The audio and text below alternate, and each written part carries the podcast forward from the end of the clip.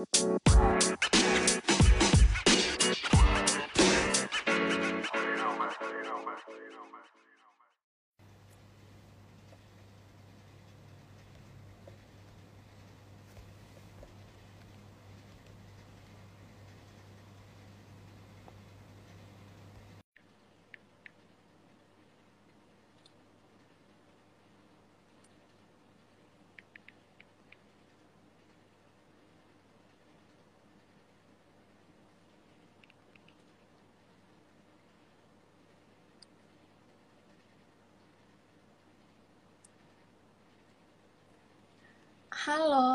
selamat malam semuanya.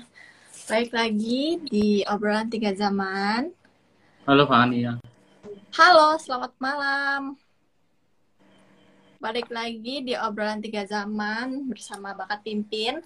Nah, malam ini kita lumayan spesial nih karena kita mendatangkan uh, tamu yaitu nah yang sudah hadir di sini. Selamat Hai, malam, selamat Pak malam. Selamat Selamat malam semuanya. Apa kabar? Baik, baik. Apa kabar kalian semua? sehat. Baik, Pak. Sehat. Wah, alhamdulillah. Pak Jeffrey aja. Oh ya, sebelum kita mulai obrolan kita pada malam hari ini, uh, uh, mau ngingetin lagi nih, uh, untuk kalian yang belum uh, dengar obrolan-obrolan kita yang sebelumnya, kalian bisa dengerin di YouTube sama di Spotify kita, search aja Bakat Pimpin. Ya. Selamat malam semuanya teman-teman yang sudah hadir di sini. Kita tinggal tunggu Pak Jeff nih. Saya kira Pak Jeff akan sama Pak Aksar, enggak ya? Oh enggak. Yang pasti sih beda lokasi. Beda. Tadinya sih planningnya begitu. Ah, I see. Berarti tinggal tunggu Pak Jeff. Eh, gimana Pak Aksar belakangan ini kegiatannya lagi sibuk atau enggak? Ya, lagi banyak uh, keluar kota sih. Oh ya keluar kota. Cuma iya. Buat buat nyari inspirasi. Inspirasi. Cari inspirasi harus di luar kota ya, biar lebih afdol. Uh, harusnya sih begitu ya. Kalau di masih di lingkungan Jakarta sih itu aja dilihat tiap hari. Oke, kalau enggak kita eh, sembari menunggu Pak Jeff, kita langsung mulai aja kali ya. Ya, setuju. Ya, pertama-tama nih, eh, kenalin dulu dong Pak Aksar. Ini dari mana?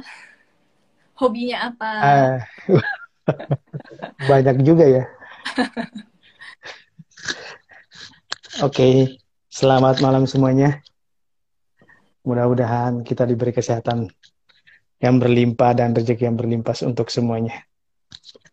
Amin. Ya, eh, saya Aksar dari Tante Sayur. Hobinya makan sama jalan-jalan.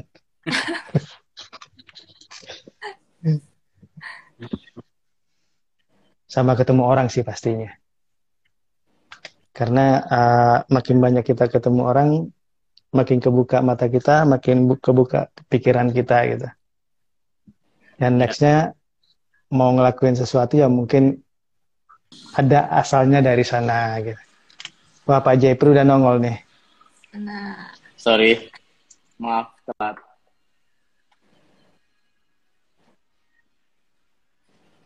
ya dia muter-muter. Ya, udah telat muter-muter lagi. Dia barusan ini Udah, apa, udah. bisnis. Ya, makanya telat. Kedengeran nggak sekarang? Kedengeran nggak? Ya, Oke. Ya, ya, ya, ya. Oke. Apa kabar, Sar? Hai, baik, baik, baik Om. Udah lama ya nggak ketemu kita ya? Ya, ada sekitar enam tahun setengah lah ya. Kurang. Kurang dikit lah. Itu Enam buku, tahun dua bulan gitu. buku pajangan atau dibaca tuh? Buat pajangan doang, buat live aja. Itu wallpaper lagi. Oh iya. Melon, Coba coba. itu yang paling bener itu. Wah nggak bisa tuh. Yo yo yo. Kita mulai. Oke. Asar udah udah perkenalan lah sedikit lah. Tadi eh, sempat eh, menyebut tante sayur ya. Mungkin mungkin mau dijelaskan sedikit eh, siapa sih tuh tante sayur gitu kali ya? Aduh, gimana ya? Kalau boleh nanya kembali nggak? Kalau misalnya, eh, kalau misalnya kita mendengar kata-kata tante sayur, yang terlintas di pikiran kita itu apa ya? Eh, Satu-satu deh yang jawab. Tante-tante gendong sayur gitu. Ah, Oke, terus? Biasa kan ibu-ibu ini ibu-ibu jamu gitu di belakangnya bawa jamu, Ah, ini bawa sayur. oke, oke. Kalau gue Terus? mikirnya kalau gue mikirnya tante sayur itu tantenya agak lebih eksklusif ya dibanding mbok-mbok sayur gitu. Kalau mbok kan kesannya kayaknya mbok banget gitu loh. Kalau tante kayaknya kan ada ya enggak? Agak-agak glamor gitu ya. Glamor, make upan kayak gitu loh.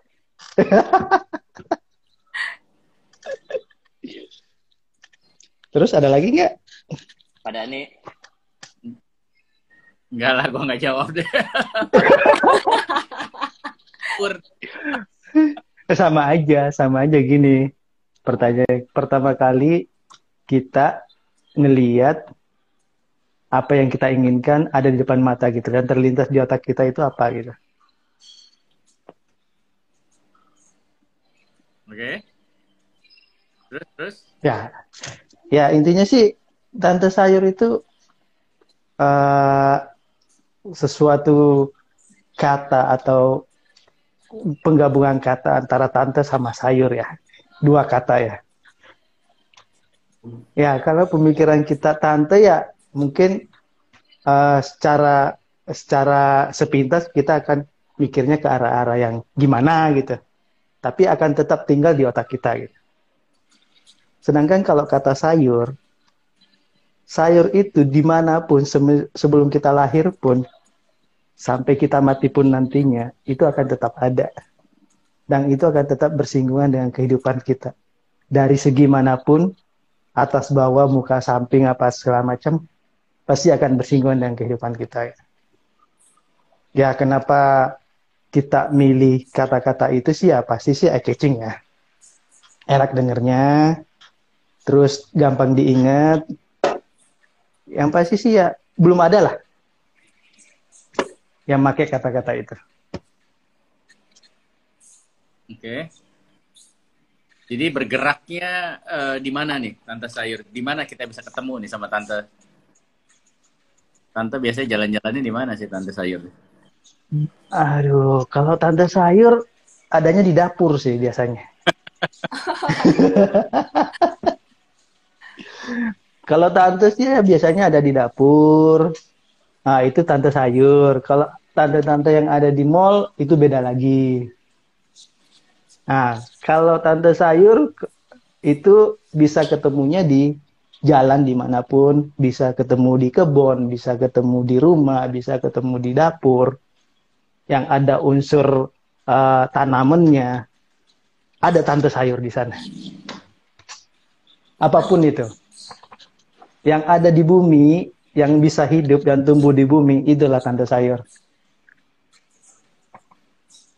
Nah, Oke, Pak. nih ya. Next.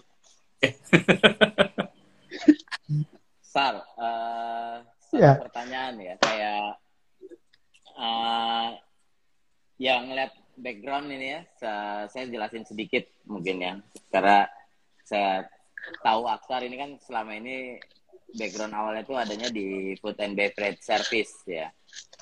Nah, terus sampai bisa ambil sebuah keputusan gitu loh. Keputusan yang dari dalam tuh yang benar-benar keputusan yang sifatnya inside out tuh sampai benar-benar stop profesional karir profesionalnya di hospitality business dan akhirnya menggeluti usaha sendiri itu apa yang membuat hal itu terjadi? Yang pasti sih kebutuhan hidup ya pertama ya. Hmm. Itu nggak bisa kita pungkiri lah. Karena selama kalau kita kerja ya dari posisi paling bawah sampai posisi paling atas yang kita temukan itu-itu aja.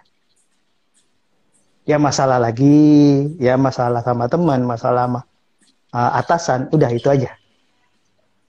Tapi pada saat kita memulai sesuatu yang baru di luar dari zona nyamannya kita, tantangan itu benar-benar ada dan itu adalah dari life lah kitanya. Jadi saatnya untuk meninggalkan zona nyaman kita itu ya di situlah cobaannya sih sebenarnya. Di situlah uh, apa uh, uh, pergolakan batin antara melanjutkan zona nyaman atau memulai sesuatu yang baru gitu. Tapi balik lagi kebutuhan kita itu nextnya mau apa gitu. Setelah nikah kebutuhan saya akan semakin meningkat. Otomatis saya akan mencari sesuatu jalan untuk mendapatkan sesuatu yang lebih pula gitu. Dan di mana di posisi tempat kerjanya kita dulu, walaupun itu sudah nyaman apa segala macam, tapi saya nggak bisa dapatin sesuai dengan kebutuhan apa yang sekarang gitu. Akhirnya harus memutar otak atau uh, memulai sesuatu yang baru lah untuk mendapatkan apa yang kita inginkan itu.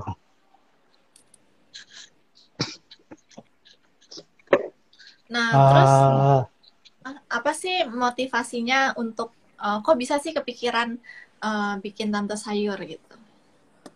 Apa tuh motivasinya okay, uh, untuk membuat uh, membangun tante mungkin sayur? Agak motivasi awalnya, ya. Sorry sorry gue potong Mungkin uh, dijelasin dulu sedikit ya tante sayur itu apa. Mungkin ada yang belum tahu kali ya. Jadi tante sayur itu uh, apa di bisnis online aksar ya, aksan ya. Uh, Oke. Okay. Uh, takutnya ini ada sebab belum paham gitu ya. Sekilas boleh, saja. boleh, boleh, boleh, boleh. Sekilas saja tante sayur itu uh, toko online khusus 98% itu adalah organik.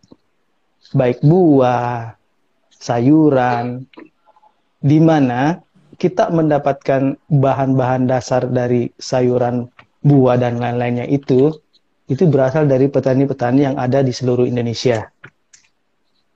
Di mana kita memberdayakan mereka untuk menghasilkan sesuatu yang lebih bernilai jual Jangan nanamnya cuma itu aja dari kakeknya, dari anaknya, dari buyutnya, dari cucunya nantinya.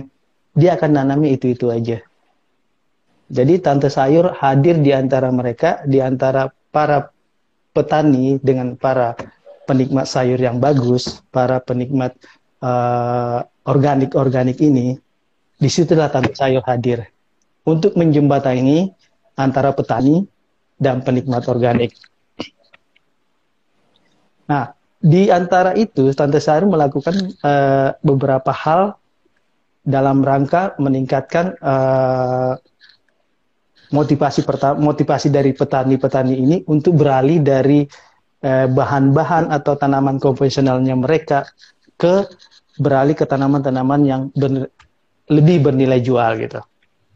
Di mana masyarakat masyarakat perkotaan lebih mencari hal tersebut daripada konvensional-konvensional yang tadi.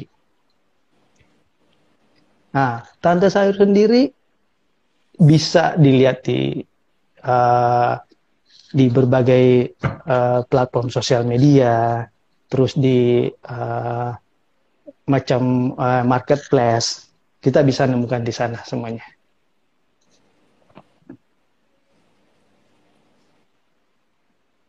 Mantap. Thank you, thank you. Van, tadi mau nanya apa, Van? Apa ya? Uh... Oh, uh, gimana kok awalnya bisa mem membangun kepikiran untuk membangun tante sayur gitu? Motivasinya apa? Motivasinya awalnya adalah saya emang secara pribadi suka makanan-makanan yang sehat. Terlepas dari background pekerjaan saya dahulunya, semenjak saya pindah ke Bali dan tinggal di Bali, kehidupan saya itu langsung berubah. Karena ngeliat, ya itu tadi saya bilang, semakin kita ketemu orang, semakin kita melihat sesuatu yang berbeda setiap hari, membuat pola pikir pola pikir kita juga akan berbeda gitu. Nah, pola pikir saya berbeda itu, berubah itu pada saat saya pindah ke Bali. Di mana ngelihat orang-orang di sekitar saya itu banyak yang melakukan pekerjaan seperti pekerjaan saya di hospitality, tapi hidupnya sangat sehat. Kerja di hospitality, tapi dia notabene-nya nggak minum alkohol tiap hari minum jus. Nah, di situlah saya termotivasi lebih. Setiap saya balik ke rumah, saya pasti mampir ke Pepito dulu beli bahan buat bikin jus di rumah. Terus pada saat habis nikah, istri saya uh, cuti tiga bulan di Bali dan melihat kondisi saya yang tiap hari belanja buat bikin jus doang, tiap hari belanja buat uh, bikin salad atau makanan sehat lah, apa pun itu. Ataupun uh, sehingga istri saya ya kita kita kita ngobrol lah, kita ngobrol lah, tukar pikiran seperti apa untuk supaya uh, kebiasaan kita yang ini sangat menguras kantong soalnya. Ah, intinya sih di situ. Karena kebiasaan ternyata mengawali sesuatu hidup yang sehat untuk merubah sesuatu kebiasaan kita ke kebiasaan yang baru, ternyata butuh biaya banyak banget. ya di situlah kita bertukar pikiran, akhirnya kita jalan-jalan ke mana. Jadi setiap saya libur kerja, saya bawa istri saya ke Ubud, saya bawa istri saya ke Bedugul, saya bawa istri saya ke Tabanan bukan ke tempat restoran, bukan ke tempat kafe, bukan ke mana, tapi ke perkebunan. Ketemu langsung dengan petani-petani di sana yang notabene-nya adalah orang bule. Sedih. Pastinya.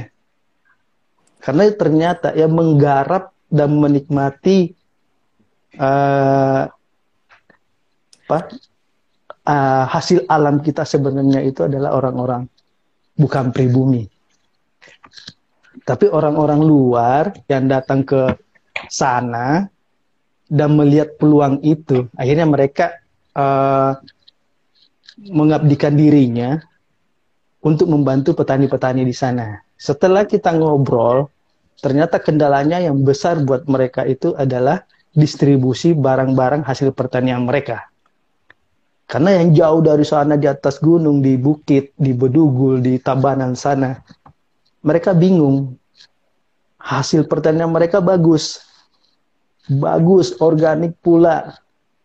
Tapi tidak tidak mereka tidak mengerti mau dijual ke mana. Kalau mau dimakan sendiri udah berlebih jauh. Akhirnya mereka nggak panen-panen, dibiarin busuk. Mereka panen cuma buat makan aja. Akhirnya kita, saya sama istri saya memutuskan, oh ini kayaknya sih kita ada jalan di sana gitu. Supaya membantu petani yang ini, terus gimana caranya supaya uh, kafe-kafe, restoran-restoran yang jauh dari perkebunan bisa menikmati hasil perkebunan kita sendiri. Tidak mengharapkan, tidak tidak bergantung kepada uh, tanaman-tanaman konvensional lagi. Tapi kalau mereka butuh organik, ada jalannya gitu. Asalkan kita mau itu aja. Akhirnya tercesuslah tante sayur di sana. Sebenarnya tante sayur ada itu buat menjembatani sebenarnya. Jadi jadi jadi jembatan lah antara petani-petani yang lebihan hasil kebun yang bagus sama orang-orang penikmat organik. Akhirnya pindah ke Jakarta, sama masih di Jakarta, istri saya balik ke Jakarta, sayuran-sayuran semuanya saya kirim ke Jakarta. sayuran saya saya koordinasi dengan istri saya yang di Jakarta, saya di Bali. Di Jakarta butuh sayuran apa aja, nanti saya cari di Bali. Akhirnya saya kirim ke Jakarta by pesawat. Dan cuma sekitar tiga bulanan bagus banget. Tiga bulan berjalan itu tanggapan masyarakat-masyarakat terutama teman-teman ya. Karena uh, kita memulai suatu bisnis apa pun itu jenisnya, jangan pernah melupakan teman-teman karena teman-teman itu dah adalah faktor utama dalam suatu membangun usaha karena itu adalah orang-orang yang pertama yang akan mempromosikan usaha kita, menikmati apa ya usaha kita. Jadi saya sarankan sih kalau kita punya sesuatu yang baru, kita informasikan ke teman-teman bukan karena kita buat gaya-gayaan, bukan karena kita buat uh, uh, apa namanya show off ke mereka, bukan. Tapi teman-teman atau orang-orang di sekitar kita itu adalah faktor terpenting dalam usaha apa pun.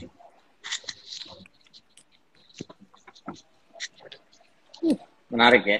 Nah, uh, tadi ada satu hal yang yang menurut pendapat gue sih ya sekedar sekedar summary lumayan lumayan lama juga sebenarnya gue kenal tante sayur ya awalnya memang tadinya kita pikir it's, ini cuma kayak supplier private yang jualan sayuran ya tapi pada dasarnya yeah, semakin yeah. kita semakin kita masuk ke dalam itu ternyata banyak banyak insight-insight yang akhirnya gue sendiri baru realize ternyata bisnisnya lumayan deep banget, lumayan dalam gitu. Kayak kayak ada satu hal yang pernah Aksar ngomong dulu tuh kalau gue komunikasi langsung ke petani. Jadi uh, eh, gue nggak akan beli lu punya hasil ladang yang di ladang besarnya, tapi gue mau lu uh, kasih jual ke tante sayur itu di sebuah ladang di halaman rumah yang yang kecil, yang petakan kecil yang lu punya, yang bener-bener ketika lu keluar rumah, lu lihat ladang itu dan lu sayang tanaman-tanaman yang ada di ladang itu, nah itu yang lu jual ke tante sayur. Nah sekarang yang jadi pertanyaan pertanyaan gue ya, ketika mungkin saat itu gue sem belum sempat tanya karena ilhamnya belum masuk. Kayak sekarang gue tanya nih boleh dibilang ya gede di sisi gede di kota lah ya walaupun gede di Sulawesi tapi kan akhirnya pindah ke selatan kayak gue gini anak selatannya kan.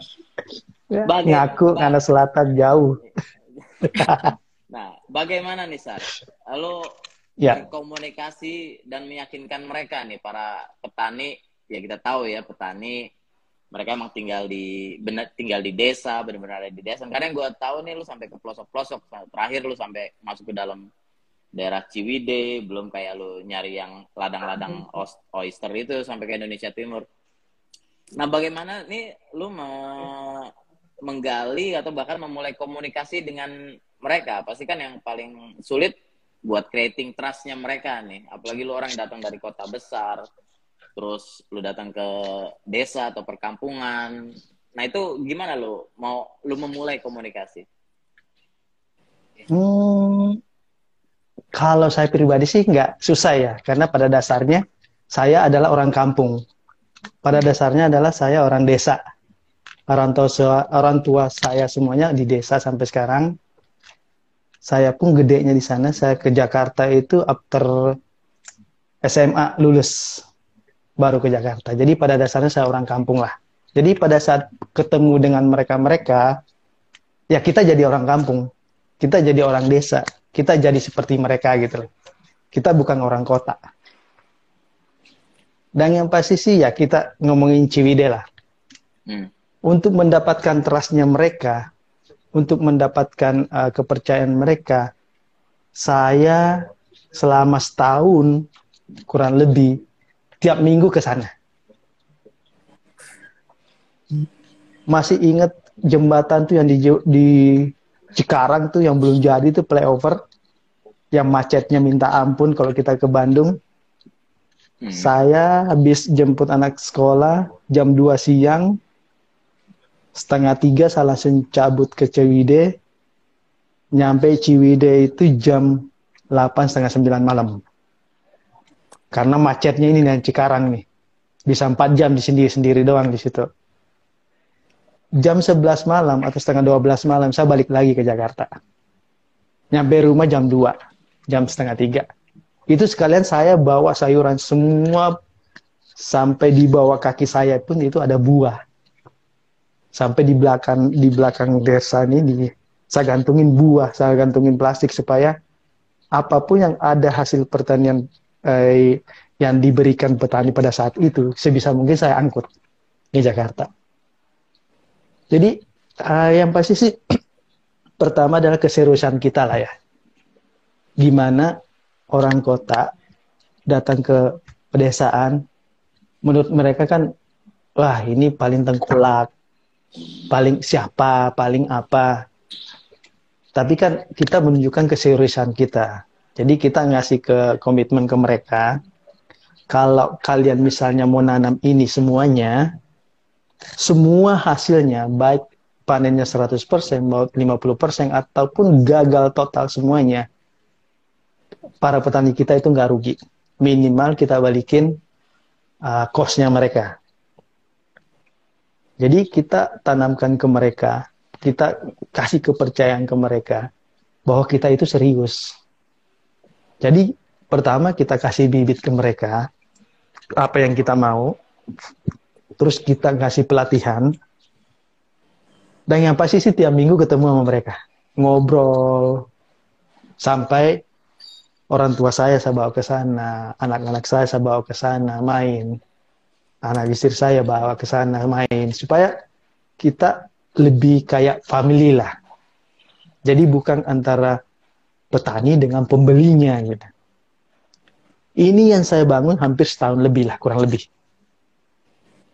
Yang itu benar-benar menguras waktu dan tenaga dan udah sempat juga give up, mikirin give up, aduh gimana ya tapi dari satu sisi lagi kita ada udah memulai sesuatu yang menurut kita itu bagus banget. Kenapa mesti berhenti gitu?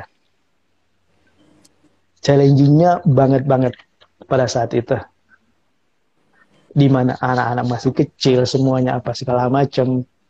Dan challenging yang paling gede adalah dari Bali pindah ke Jakarta. Di mana hidup di Bali itu seperti apa, tiba-tiba balik di Jakarta mesti keringetan gitu. Ya kan? Di Bali itu benar-benar ya zona amannya kita lah. Tiba-tiba balik ke Jakarta aduh udah macet udah ini udah kejar sama waktu apa segala macem tapi itulah yang mesti kita lewatin juga yang akhirnya juga ya kita bisa lihat lah sampai detik ini tanda saya masih alhamdulillah masih ada dan mudah-mudahan akan terus tetap ada dan mudah-mudahan tetap bisa nambah rekan-rekan petani-petani di seluruh Indonesia. Amin. Amin. Amin. Amin. Amin. Amin. Berarti salah satu kunci yang lu bangun itu ini ya, uh, apa melalui hubungan ya, relationship sama ya. mereka. Iya. Dan ya, itu ya.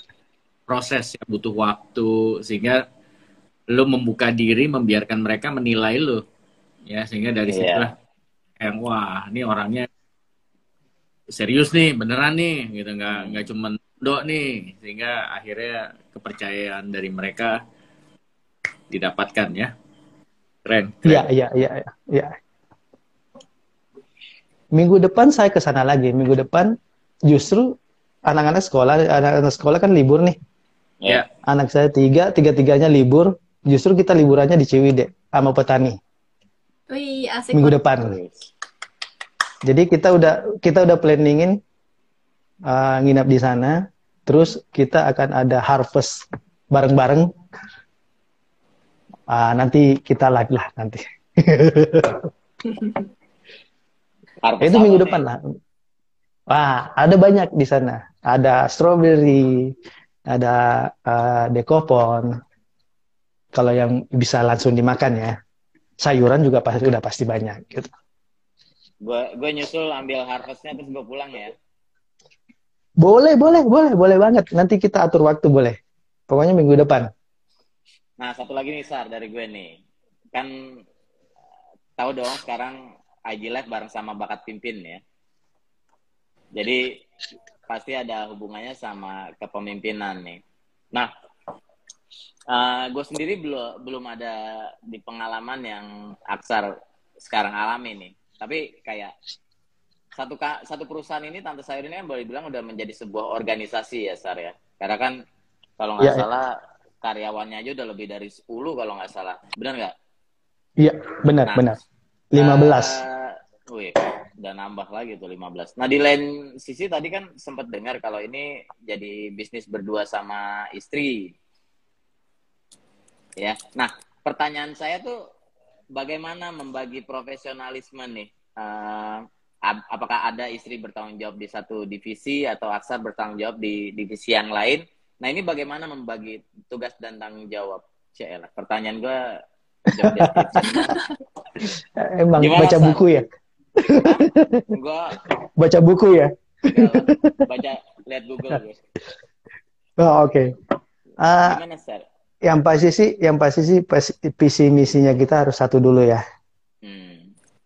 Nah, jadi saya nggak ada atau istri saya nggak ada tetap sama aja gitu.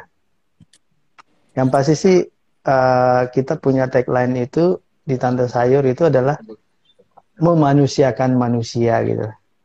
Waduh. Jadi uh, semua orang yang kerja di sini ya sama aja semuanya, sama sama kita, sama sama saya, sama uh, cuma jenis pekerjaannya aja yang beda gitu. Jadi nggak ada gap di antara saya sama mereka. Karena tujuan kita adalah selain mereka memberikan membuka lapangan kerja buat mereka, tujuan kita adalah gimana membuka wawasan mereka, gimana kita membuka pikiran mereka supaya mereka bisa berpikiran jauh ke depan gitu. Kalau next step dari kehidupan mereka itu nggak akan kayak gini lagi gitu dia bisa ke next stepnya gitu. Apakah dia jadi uh, pengepulnya tante sayur atau dia balik ke kampung jadi pengepul di sana atau dia balik ke kampung garap sawahnya mereka jadi kebun sayur akhirnya menjadi suppliernya tante sayur di sini itu kita ajarin ke mereka prosesnya seperti apa kalau misalnya kalian mau jadi seperti ini mau atau mau eh, balik ke kampung atau balik ke mana, mau bikin tante sayur di sana, ayo. Nggak masalah, kita bantu. Makanya tante sayur banyak. Ada di Bandung, ada di Bekasi, ada di Bogor.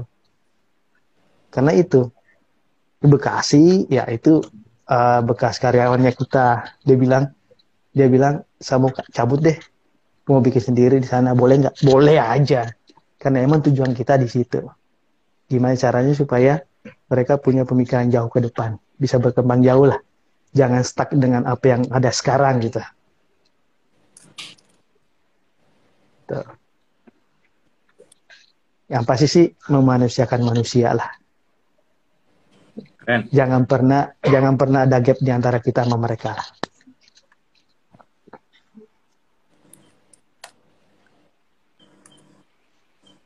Pak ini ada tambahan. Jadi boleh bilang more and less si Aksar ini lebih fokus di sisi operationnya ya. Yes. Di tanda sayur, oke. Okay. Iya, iya. Kalau uh, bisnisnya itu ah. lebih banyak ke istri saya. Oke. Okay. Oke. Okay. Kalau bisnisnya, pengembangan bisnis apa segala macam itu banyak ke istri saya. Tapi kalau dia personal, terus ke uh, apa eh, berhubungan langsung dengan karyawan itu kebanyakan saya karena saya yang tiap hari di sini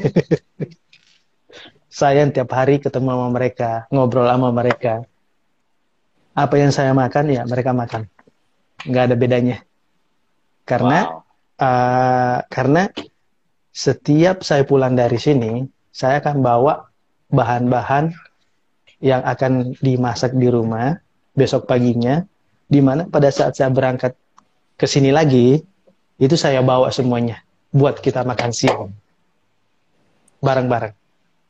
Jadi apa yang saya makan ya, mereka juga makan.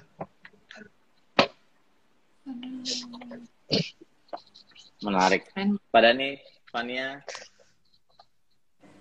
ada pertanyaan lagi buat Aksar?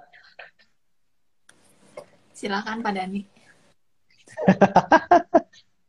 Dilempar-lempar. Pada serius, pada serius banget. Belum mak. Belum makan ya. Nyetir capek ya, Pak.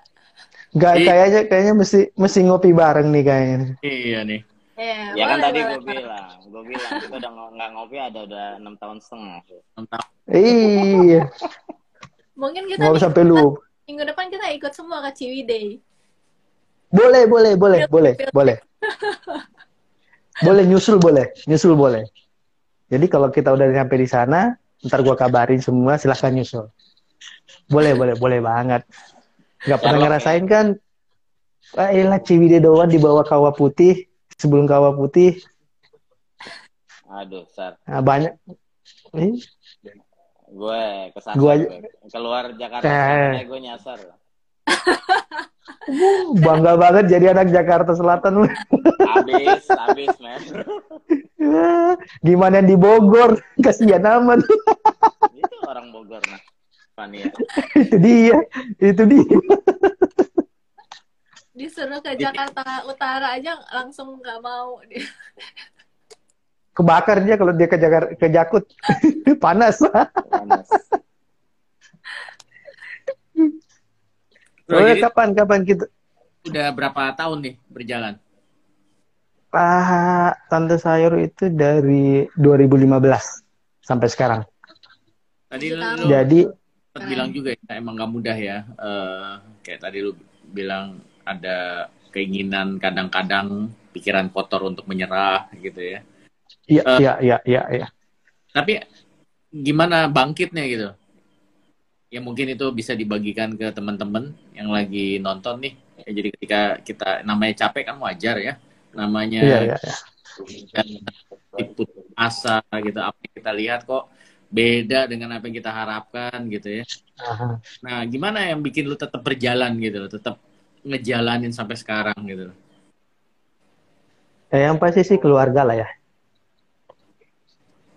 Tanpa keluarga juga nggak akan seperti ini. Support dari sih ke ya. pasti pasti pasti itu itu support dari keluarga, support dari orang tua, doa-doa mereka itu yang menguatkan kita lah.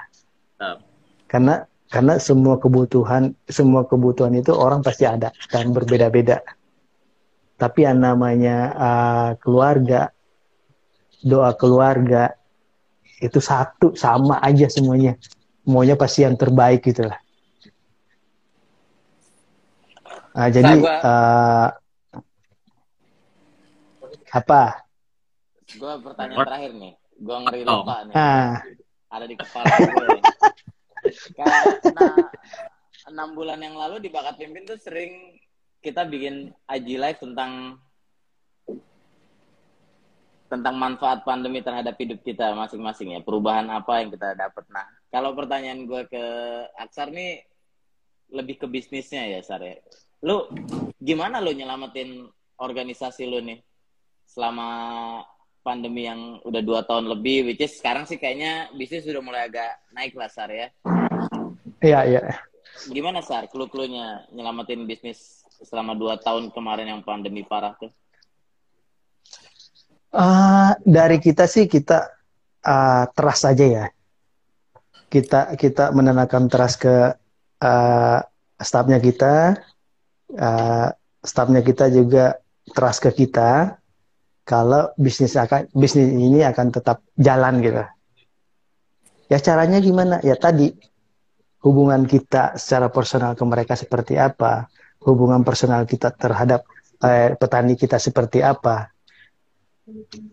kalau trust ini udah udah udah ada dan udah ter, eh, terbentuk antara eh, pemilik perusahaan, pemilik usaha, pe- pemilik barang sama pekerja serta hubungan kita dengan para customernya kita bagus, eh, apa pun masalahnya itu pasti akan bisa terlewati gitu.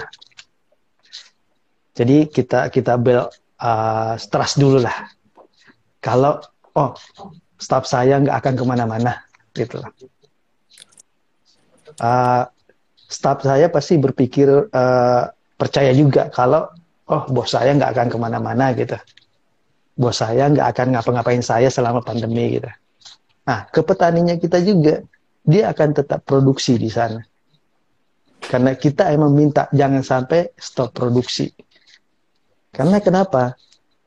Kalau stop produksi berarti penghasilan mereka juga akan stop juga. Jadi ini kan yang terus.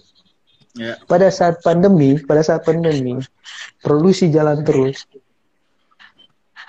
dan uh, permintaan dari customer kita juga alhamdulillah naik terus. Jadi nggak ada masalah sebenarnya. Wow. Jadi selama pandemi, selama pandemi uh, pertama, tahun pertama, tahun kedua, sampai sekarang ya alhamdulillah kita jalan terus. Jadi nggak ada yang terputus lah. Kita nggak pernah uh, memberhentikan karyawan, malah kita nambah terus. Keren. Produksi produksi uh, di petani kita juga jalan terus, nggak pernah berhenti. Jadi uh, dari hemat saya sih tadi saling kepercayaan di antara kita lah semuanya. Kalau kita itu akan tetap begini gitu. Karena tanpa ada hubungan yang erat di antara kita ini semuanya ini, nggak mungkin bisa menjalani apa pun itu gitu usaha apa pun yang kita jalanin nggak akan jalan gitu. Setuju. Keren. Memang Thank you, thank you, thank you, thank you, thank you. Menarik. di masa pandemi ini ya, eh gue setuju tuh sama. Eh, ketika trust sudah terbangun, itu sangat-sangat membantu ketika kita sedang di saat-saat sulit. Ya, Ya, trust, benar, benar. trust ya. Eh, orang-orang kerja tim kita, ya, itu apa ya dampaknya buahnya itu bisa kita rasakan pada justru pada saat sulit ya sangat Ya, ya, ya. Itu dia. Justru pada saat kita sulit kayak kemarin, kita justru makin kompak. Kita justru semakin giat, giat gitu loh kerjanya gitu, semakin berkeringat lah gitu. Karena uh, dalam satu sisi, dalam satu sisi kita udah kebentuk dalam satu sebuah keluarga besar, di mana ya jangan sampai jadi keluarga kecil gitu lah. ya Cuma gara-gara gimana gitu. Ya, ya sama-sama berkeringat lah karena uh, banyak banyak yang kita pikirkan termasuk di belakang kita tanggung jawab kita ke keluarga. Di staf-staf kita juga di sini orang-orang yang di sini semua juga punya keluarga. Jadi punggung keluarga jadi tulang punggung keluarga dan lain-lainnya. Jadi ayo kita bareng-bareng gitulah ini adalah tempatnya kita buat buat sosialisasi tempatnya kita buat cari nafkah apa segala macam. Ayo kita bangun bareng-bareng gitu lah. Dan itu kita nggak nggak ngomong ke satu dua orang tapi dalam satu lingkungan gede dari petaninya kita dari stafnya kita bahkan dari ke customernya kita pun kita ngomong. Nah itu sih tugasnya bini gua lah.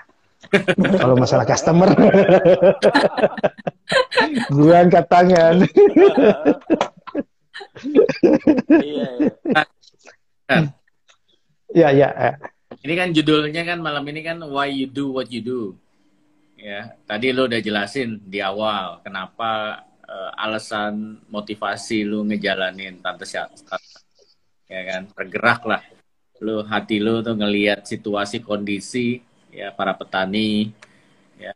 Nah menurut lo jadi motivasi atau alasan dalam menjalankan suatu pekerjaan atau bisnis itu penting banget nggak sih mungkin itu bisa di share ke teman-teman kita nih yang lagi ikutan yang pasti sih segala sesuatunya yang kita lakukan apa pun itu jenisnya pasti punya alasan ya kita mau terus kerja, kita mau banting setir ke dunia bisnis, alasannya pasti ada. dan itu penting gitu ya Oh, itu itu itu merupakan salah satu hal yang paling mendasar sebenarnya. Karena kalau kita punya alasan, berarti ada tujuannya.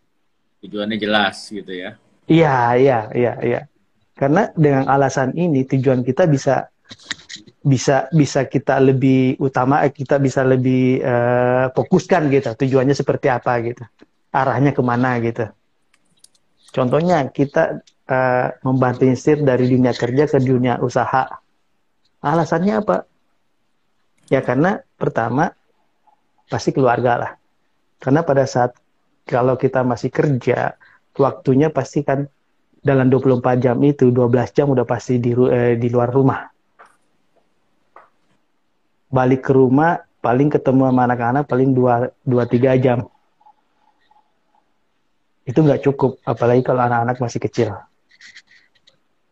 Pada saat banting setir dari dunia kerja ke dunia uh, usaha, waktu banyak untuk di rumah. Itu pertama alasannya keluarga. Yang kedua adalah mencoba sesuatu hal yang baru lah. Gue mampu nggak ya? Gue bisa nggak ya? Nantangin diri sendiri gitu. Ya.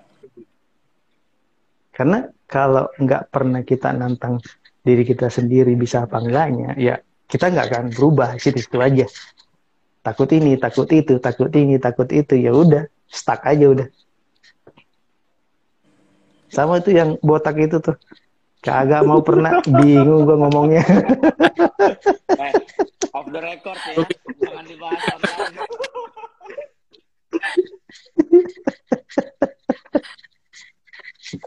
kalau itu nanti ada sesi tambahannya sendiri. Kayaknya sih mesti dibikinin dibikinin satu sesi baru gitu. Buat ngebahas itu loh. Gimana caranya supaya uh, uh, putar haluan dari dunia kerja ke dunia usaha gitu.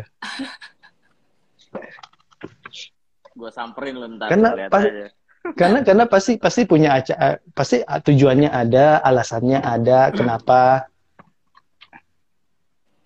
Ya kan? Ya yang pasti sih uh, alasan yang paling benar itu adalah keluarga sih. Yeah. Nah, kalau di gue pribadi sih alasan pertama gue yang paling mendasar adalah keluarga. Nextnya mah ya biasalah. Semua orang pasti. Alasannya kebutuhan, nah, alasan tantangan, nah, alasan karena kepingin ngikutin jejak orang-orang gitu. Itu itu itu klise lah. Tapi kalau gue pribadi sih alasan keluarga lah pasti. Karena gue pikir kalau misalnya kita nggak pernah mikirin keluarga nggak bakalan begini lah mungkin kalau gue nggak pernah mikirin keluarga ya gue masih di Bali lah ya yeah. nah, di zona nyaman gue tadi lu bilang sangat tergerak melihat kondisi para petani gue rasa itu motivasi ya. besar ya yeah. karena gini ada banyak orang yang uh, dalam tanda kutip lah ya sehatin lah segala macam hmm. tapi mereka nggak melangkah kalau lu kan bener-bener melangkah lu jalanin lu pikirin strateginya sampai lu tongkrong itu cipte gitu kan dari kita walaupun walaupun jalannya prosesnya nggak mulus melelahkan kena macet-macetan gitu. Itu itu motivasi yang gue rasa itu bener-bener yang bikin lu melangkah terus ya. Ya, karena gue ngerasain sendiri pada saat gue mau beralih ke uh, alam sehat ya, dunia sehat ya, tanda kutip ya dunia sehat. Apa-apa mahal. Gue beli yeah. ini, gue beli wortel, gue beli apel yang organik, semuanya mahal. Udah mahal, susah lagi dapatnya. Belum tentu kalau gue ke PT itu belum tentu dapat gitu lah. Alasannya kenapa ini kok supply kayak gini-gini aja, itu susah banget gitu Padahal orang-orang yang seperti saya yang mau hidup sehat, mau memulai hidup sehat atau mau udah udah di sana, tapi dengan suplai yang seperti ini kan sesuatu yang uh, sesuatu yang sangat memprihatinkan loh. Di mana kita itu mau nanam apa aja juga bisa kok. Iya. Yeah. Buktinya pada saat kita ke pelosok-pelosok sana di Tabanan, pelosok-pelosok di uh, Ubud sana banyak banget yang tanaman eh, tanaman-tanaman yang kalau misalnya di kota nilainya tinggi banget nilai jualnya tinggi banget. Tapi di sana nggak ada nilainya sama sekali. Karena pertama mereka nggak tahu yang beli ini siapa sih gitu. Ada yang beli bule-bule doang tapi bule-bulenya paling satu dua orang. Berapa banyak sih? Sekilo paling sehari satu orang. Ya kan yang banyak kan dijual dibuang kan. Hmm. nah coba kalau sekarang per dua after eh, sebelum pandemi lah kalau kita ke Ubud. Itu per, perkebunan semua tuh. Dan sekarang yang lebih hebatnya lagi dan ya sangat sangat sangat senang sih. Karena setiap hotel-hotel gede di Bali sekarang udah punya pam sendiri. Sekarang udah punya perkebunan sendiri. Ya. mereka nyewa tanah-tanah karyawannya mereka eh lu punya tanah di mana di mana di mana? Ditanyain tuh karyawannya tuh karyawan hotelnya. Gue punya tanah nih misalnya 10 are. Dari mana? Kintamani ya udah gue sewa deh tapi lu tanam ini nih. Hmm. akhirnya mereka juga nggak terlalu uh, musingin apa yang mereka butuhin gitu. Yeah. karena mereka bisa nanam sendiri. Yeah, yeah. contoh contoh paling seneng juga lah hampir setiap minggu dulu waktu di Bali saya ke San Regis sekarang San Regis di kantornya mereka si putaran kantor gedungnya mereka itu punya perkebunan, gila. Apa yang ditanam ya hal-hal yang krusial buat kitchennya mereka. Hmm. Kayak basil dia tanam, terus kayak uh, apa namanya? Parsley. Eh, herbs, herbs ya, parsley, herbs, herbs, herbs. Mereka tanam semuanya. Gila, keren, keren, keren ya kayak Mulia sekarang punya perkebunan sendiri di sana pam dan itu organik ya yeah. jadi sekarang di Bali mah kita udah nggak takut kayak nggak kayak 10 tahun yang lalu karena mau dapatin apa aja udah bisa karena di di semua kafe di semua restoran apalagi hotel mereka udah willing to uh, bikin pam sendiri karena mereka bisa nanam apa yang mereka mau. Ya. Yeah. Dan, dan itulah sebenarnya tujuannya tante sayur dulu dari awal supaya orang bisa uh, nanam apa yang mereka mau gitu. Menarik. Keren waktu. Iya, saya kayak, kayak ter, terbawa gitu loh kalau ngomong tuh kayak ah, deep sekali. Banyak. So, eh nggak nggak berasa nggak berasa kita waktunya tuh udah hampir satu jam ngomong masa sih Iya gue gak, gue kira ada jam dinding kagak ada ternyata. Sangat inspiratif. Semoga teman-teman yang lain yang dengerin juga uh, apa dapat inspirasinya ya, dapat motivasi-motivasi yeah, dan yeah. semua kata-kata yeah. baiknya. Mungkin nah, mungkin Van satu menit satu menit di rap kali Van dari masing-masing. Ya boleh dari, dari Pajak duluan. Curang ya. Ya. Iya ya. Yang telar duluan lah.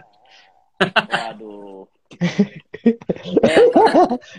yang pertama memang boleh dikatakan motivasi memang amat sangat dibutuhkan ya. Apalagi udah ada tadi yang bisa kita lihat tuh tujuan-tujuan yang inspiratif ya. Kayak misalnya mau berguna buat kayak tadi petani. Ini kan boleh katakan sebuah tujuan yang amat sangat inspiratif ya. Jadi itu bisa dijadikan sebuah pelajaran buat teman-teman yang mau memulai usaha. Kemudian kedua juga uh, ketika ya memulai usaha sama pasangan tetap secara secara profesionalisme juga tetap harus dijaga untuk ya pada dasarnya kayak tadi Aksar udah kasih contoh membagi menjadi dua divisi di mana istrinya fokus di pengembangan bisnis, Aksar fokus di human sama operationnya. Jadi tidak ada kayak tidak ada tabrakan satu sama lain. Jadi boleh dikatakan banyak insight yang bisa saya dapat. Terus yang terakhir untuk memulai komunikasi, creating trust. Ya, creating trust ini penting banget. Dan boleh dikatakan endurance-nya si Aksar untuk creating trust ke petani salah satu contoh kayak tadi yang di Ciwidey itu lumayan lama tuh berbulan-bulan buat creating trust. Bagaimana dia suffering dia harus seharian mingguan dia datang dia beli sendiri dia cari pembelinya sendiri di Jakarta itu itu modal dasar buat komunikasi di awal itu sih yang saya dapat insightnya Pak Dani, Fania? Ya, eh kalau dari gue sih banyak yang gue yakin ya eh, yang Iya. nonton bisa dapat banyak lah. Ya tadi kayak tadi ada kesepakatan yang eh, kalau mau melakukan suatu ya terutama dengan pasangan itu harus sepakat. Ya visi misinya harus jelas bersama istri gitu loh. Ya Hmm. terus tadi eh, trust ya baik dari customer dari timnya ya. Yang gue paling suka adalah eh, motivasinya dia itu untuk untuk kegunaannya untuk orang lain gitu loh Ya. walaupun nanti dianya juga kecipratan tetapi yang pertama itu dampaknya jadi hidup yang berdampak buat orang lain itu keren banget dan gua rasa itu itu reminder buat kita semua lah ya jangan Hmm. hanya Iya, dampak kita tapi justru untuk orang lain ya ketika itu terjadi kita pun juga pasti akan kecipratan Ya. Eh, itu aja sih ya. Ayo, Fania, Pak. satu menit terakhir. Kalau saya, saya dapat lumayan banyak ya, tapi salah satunya itu eh, mengerjakan sesuatu tuh harus dari hati gitu. Jadi emang harus punya hati yang tulus untuk mau melakukan eh, pekerjaan itu. Dan karena nanti selanjutnya dari situ pasti eh, jalannya lebih enak lah gitu. Dan kita juga nge ngejalaninnya nggak nggak merasa itu jadi beban gitu. Malah kita kayak oh oke uh, I want to do this gitu. Gue mau melakukan ini nih. Emang gue pengen gitu. Nggak ada yang nyuruh lagi. Jadi melakukan pekerjaan itu dengan hati yang tulus. Dan satu lagi yang menarik itu um, gimana uh, pentingnya untuk mem- mem- membangun trust, membangun uh, kepercayaan, membangun relasi dengan orang lain gitu. Um, dari yang kita ngobrol sehari-hari sama mereka, tiap minggu ketemu, nanti lama-lama rasa trust itu uh, terbangun dan jadi ya punya hubungan yang baik gitu dengan sat- satu sama lain. Gitu.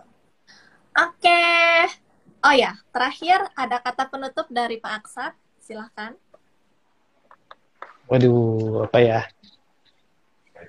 Ya, intinya sih adalah eh, kalau melakukan segala sesuatunya itu ya harus ikhlas lah gitu.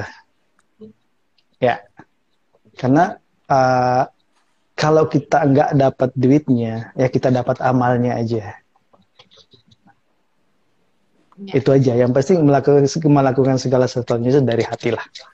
keren harus ikhlas. Karena Keren. karena karena karena eh, kita ngobrolin itu bukan masalah uang doang gitu lah.